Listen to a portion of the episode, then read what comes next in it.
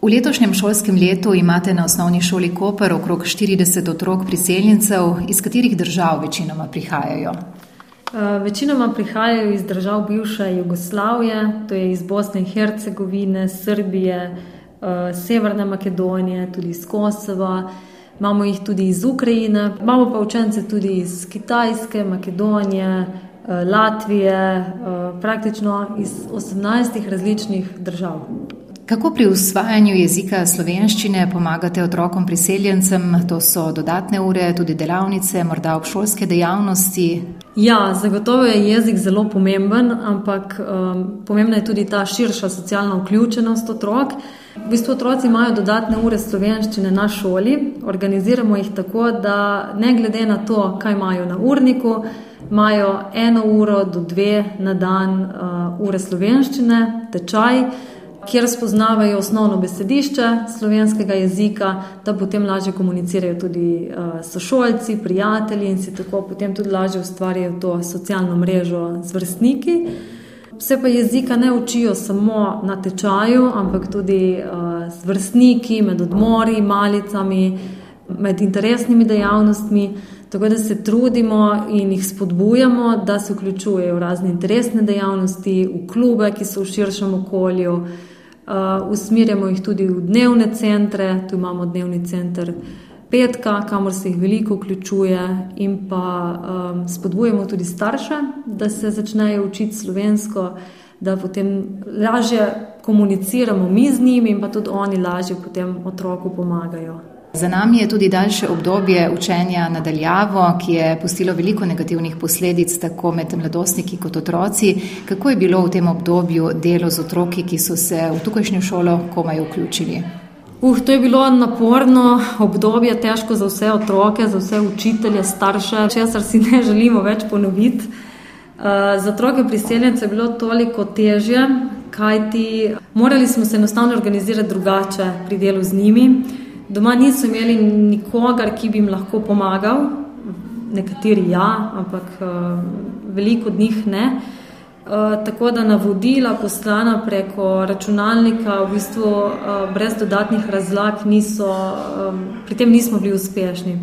Tako da smo se organizirali tako, da smo na šoli imeli sistem učiteljev, tutorjev, ki so otrokom, ki so potrebovali pomoč, dodatno razlagali uh, snov, poenostavljeno, z več slikovnega gradiva uh, in jih tako tudi usmerjali pri tem, da so lahko svoje znanje nadgrajevali.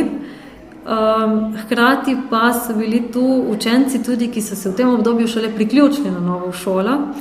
Imeli smo dva dečka iz Kosova, ki sta v bistvu začela šolo v Sloveniji preko Zuma. Eh, od teh začetnih eh, težav z rabo teh spletnih omrežij, eh, Zoomov, smo potem to prebrodili in smo potem organizirali tudi tečaje slovenščine za njih. Neko samostojno delo je bilo tu težko no, izvedljivo. Dobra stvar po eni strani tega dela nadaljavo pa je bila ta, da smo se šole med seboj tudi povezovali. Tako da smo um, učenje slovenščine, tečaje slovenščine lahko izvajali tudi za različne šole skupaj. Ta dva dečka no, sta se vključila v obdobju koronavirusa, je bilo kar uh, veliki ziv, kako začeti poučevati slovensko. Tu je bila tudi ena velika težava, tudi ta socialna mreža otrok, ne, ki uh, recimo ta dva, ki sta na novo prišla v šolo, nista bila povezana z nikomer. Tako da smo izpeljali tudi um, nekaj teh počitniških aktivnosti preko Zuma. Smo peli, smo uh, imeli razne kvize, tako da smo uspeli nekako v tem obdobju to, to socialno mrežo vzpostaviti z njimi. No. Kakšno je trenutno stanje? Ma jaz moram reči, da se to obdobje pozna še danes. Predvsem pri mlajših otrocih se, pozna, uh, se poznajo težave pri opismenjevanju, pri branju. Eh, tako da bo treba tu še veliko delati, uh, pa ne samo pri učencih, priseljencih, tudi pri ostalih. Pozna se, da učenci niso bili v stiku s slovenščino vsak dan, da so bili doma v svojih okoljih, kar uh, pomeni, da slovenskega jezika praktično niso slišali skoraj nič. To pomeni, da imajo manj besedišča, da se morajo kakšno stvar ponovno učiti in izkazovati znanje v nekem tujem jeziku ni tako enostavno, ne? sploh, ko govorimo o učnem jeziku. To so besede, ki jih ne uporabljamo vsak dan, ki so v učbenikih, ki so pri predmetih zgodovine, um, kemije, ne vsakdanji rabi in je potrebno tu še dodatno delo. Nekje pet do sedem let je potrebnih, da se ta učni jezik naučimo, zdaj pa še s korono se to obdobje tudi malo podaljša. Ne? Na kakšen način šola sodeluje s starši, ki morda tudi ne poznajo jezika? Naši starši veliko krat pridejo uh, z nekom, ki ta jezik, že, ki slovensko že zna in predstavlja nek začetni most med starši in uh, šolo. Vsi pomagamo z angliščino, če je to skupni jezik. Ko so neke večje težave, smo se tudi že obrnili na uh, družbe priseljencev, tako da so oni potem pomagali uh, s prevajalci. Je pa tu vseeno zelo pomembno, da se tudi starši naučijo slovensko, da uh, lahko komunicirajo v šoli o stvarih, ki so vezane na šolo, in pa tudi v njihovem vsakdanjem življenju, ko potrebujejo zdravnika, ko morajo iti v trgovino, da uh, znajo komunicirati vsaj osnovne stvari. No? Starše pa usmerjamo v večgeneracijski center Morja, ki je tu uh, čez cesto, Eh, blizu šole, tudi imajo razne delavnice, ne samo vezane na jezik, tudi razne aktivnosti, ki omogočajo vključevanje v našo družbo. Pa se poslužujejo starši vsega tega, kar ste omenili, kaj opažate? Jaz opažam, da je potreben pristop, kako pristopiš do oseb, da jih eh, tudi motiviraš za kakšno stvar. Nekateri sami iščejo tudi informacije, kje se lahko učijo jezika, in jih tu tudi mi usmerjamo. Eh, nekatere pa je potrebno dodatno spodbuditi, jih večkrat povabiti k kakšni aktivnosti. Eh, in ko se vzpostavi ta nek zaupen odnos z njimi, veliko lažje tudi stvari stečajo. No? Eh, je pa potrebno mogoče včasih malo večkrat spodbujati, da navdušimo še koga, ki ni v začetku motiviran. S kakšnimi stiskami se srečujejo, soočajo otroci priseljenci, s kakšnimi vprašanji se morda obračajo na vas? V začetku je ena velika stiska to, da prihajajo v neko okolje, ki ga ne poznajo, uh, nimajo prijateljev, eh, ne poznajo nikogar, um, ta socialna mreža jim zmanjka. Seveda potrebujejo svoj čas, da spostavijo ta stik z vrstniki.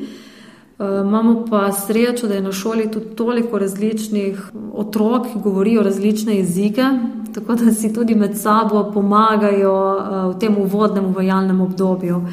Eh, bodi si sošolce, starejši, mlajšim pomagajo pri uh, vključevanju in ta stvar kar um, lepo deluje. No. Jaz sem bila pet let zaposlena v projektu Izzivi medkulturnega sobivanja in izkušenj imam zelo raznolike, pestre.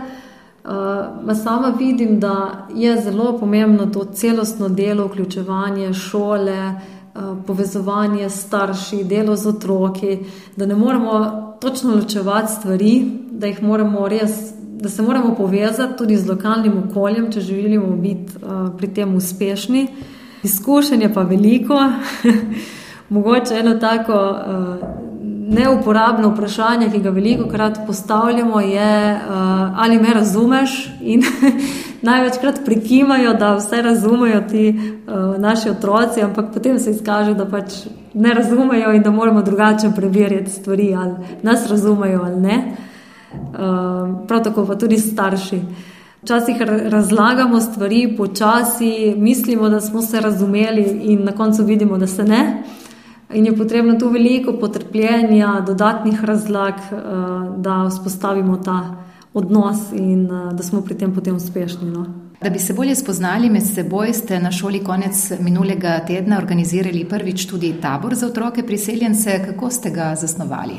Ja, to je bilo letos prvič organizirano in sicer uh, ideja tabora je, da uh, povežemo otroke uh, priseljence med seboj, um, da spodbujemo ta občutek pripadnosti novemu okolju, uh, šoli. Eh, in da pa v njih tudi, da jih spoznamo drugače, da v njih vidimo tudi talente, ki jih imajo, da se jih spoznamo v nekem drugem okolju.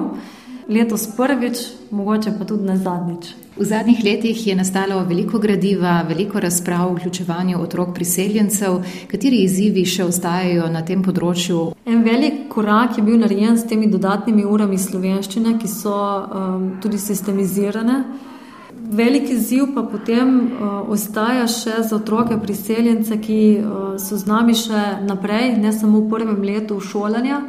Drugo, tretje leto, tu vidim še uh, potrebo po dodatni podpori uh, pri usvajanju tega učnega jezika.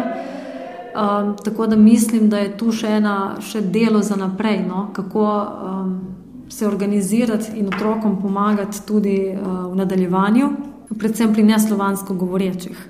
Potem je tu uh, izziv tudi, kako še vključevati starše, predvsem tiste, ki um, so malo manj vključeni.